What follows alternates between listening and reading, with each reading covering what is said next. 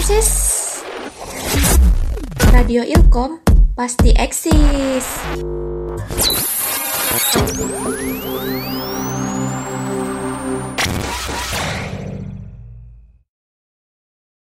My head that I can't keep on got me singing like na na na na every day's like my iPod stuck on replay, replay. Good girl.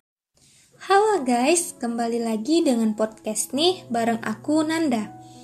Jadi, di episode ini aku ingin bincang-bincang lagi nih dengan kalian semuanya. Di masa pandemi seperti saat ini, tentunya membuat sebagian masyarakat harus memutar otak untuk menopang biaya hidup selama kegiatan dilakukan di rumah saja. Untuk itu, kegiatan berbisnis bisa menjadi solusi untuk memperbaiki kondisi ekonomi yang sempat menurun. Kembalinya era mode fashion tahun 90-an membuat masyarakat, terutama kalangan milenial, memanfaatkan momen ini untuk membuka usaha toko pakaian bekas atau lebih dikenal dengan pre-love.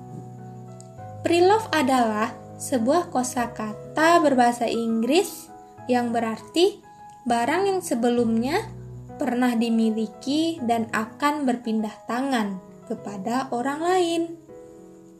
Ada beberapa penjelasan lain tentang barang pre-love, yaitu barang yang Anda beli dan hanya dipakai beberapa kali saja, barang yang belum sempat dipakai, dan barang pemberian orang yang belum sempat dipakai.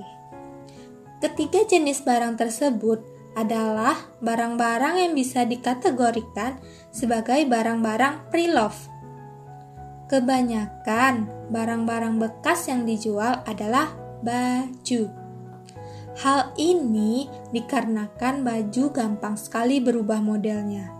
Sudah tidak tren atau memang sudah tidak muat dipakai. Untuk kualitas, untuk kualitasnya nih, yang dijual pada syarat utamanya masih layak pakai, kondisi bagus, serta bersih. Ada beberapa tips menjual baju bekas atau pre-love agar cepat laku yang dapat Anda praktikkan. Yang pertama, ketahui kondisi barang. Sebelum Anda menjual barang bekas, sebaiknya Anda mengetahui kondisi baju-baju bekas Anda. Pada dasarnya, baju yang dapat dijual adalah baju yang dapat dikenakan kembali. Lebih baik lagi jika Anda menjual baju yang dapat digunakan 3-4 tahun ke depan deh. Yang kedua, tulis deskripsi secara jujur. Dikarenakan Anda menjual pakaian bekas, maka Anda harus menuliskan keadaan sebenarnya seperti apa. Jika ada kerusakan, noda, atau kekurangan lainnya, Anda harus tuliskan secara detail agar pembeli tidak merasa kecewa dengan baju bekas yang Anda jual. Dengan menulis deskripsi secara jujur, kemungkinan pelanggan membeli kembali barang pre-love Anda akan semakin besar.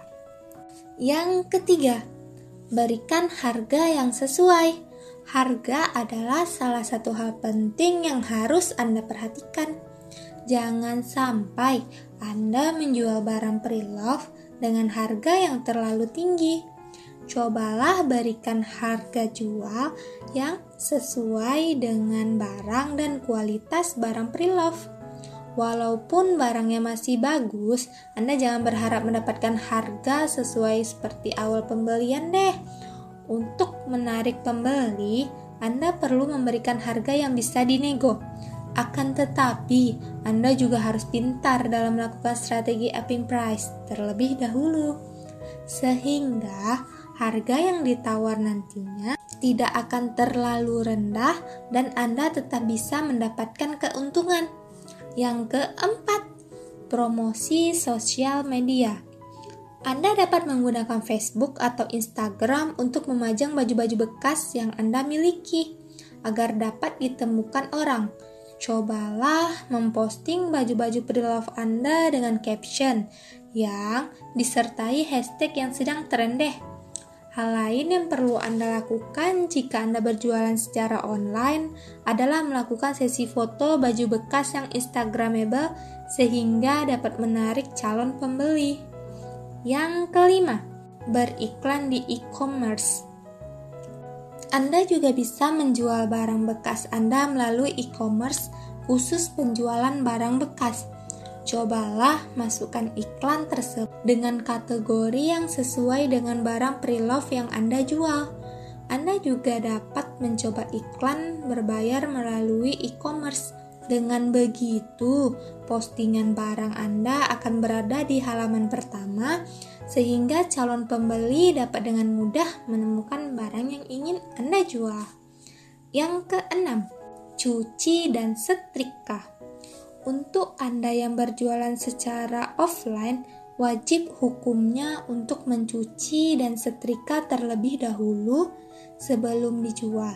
Karena jika baju bekas keadaannya belum dicuci dan disetrika, maka harganya pun bisa selisih antara 5 sampai dengan 10 ribu. Selain itu, dengan baju yang sudah bersih dan rapi, pelanggan nantinya akan semakin betah dalam memilih baju bekas yang sesuai. Terakhir nih, yang ketujuh, partisipasi dalam event atau ajak influencer. Hal terpenting agar baju bekas atau pre-love Anda terjual dengan cepat adalah mengikuti event. Anda sebenarnya dapat mengikuti event jenis apa pun, baik itu bazar, konser, atau hanya event lokal. Tips dari saya adalah ikutlah event yang memiliki pasar potensi, pembeli barang-barang baju bekas, misalnya event musik, event hobi, bahkan event barang bekas sudah banyak diselenggarakan dengan modern dan audiens yang lebih banyak. Dengan mengikuti event, Anda akan bertemu banyak komunitas Nah, demikianlah pembahasan mengenai tips menjual baju bekas atau pre-love untuk Anda agar cepat laku dan tidak memenuhi lemari baju Anda. Jika Anda sudah sukses menjual baju bekas Anda sendiri, maka tidak ada salahnya Anda menjual baju-baju bekas milik teman Anda. Siapa tahu dari bisnis baju pre-love ini Anda akan dapat meraih kesuksesan karena sudah banyak bermunculan bisnis pre-love secara online saat ini. Jangan lupa, bila bisnis pre-love Anda sudah sukses, Anda perlu mengelola keuangan dengan baik. Aku Nanda, thank you guys for listening. Sampai ketemu di podcast selanjutnya.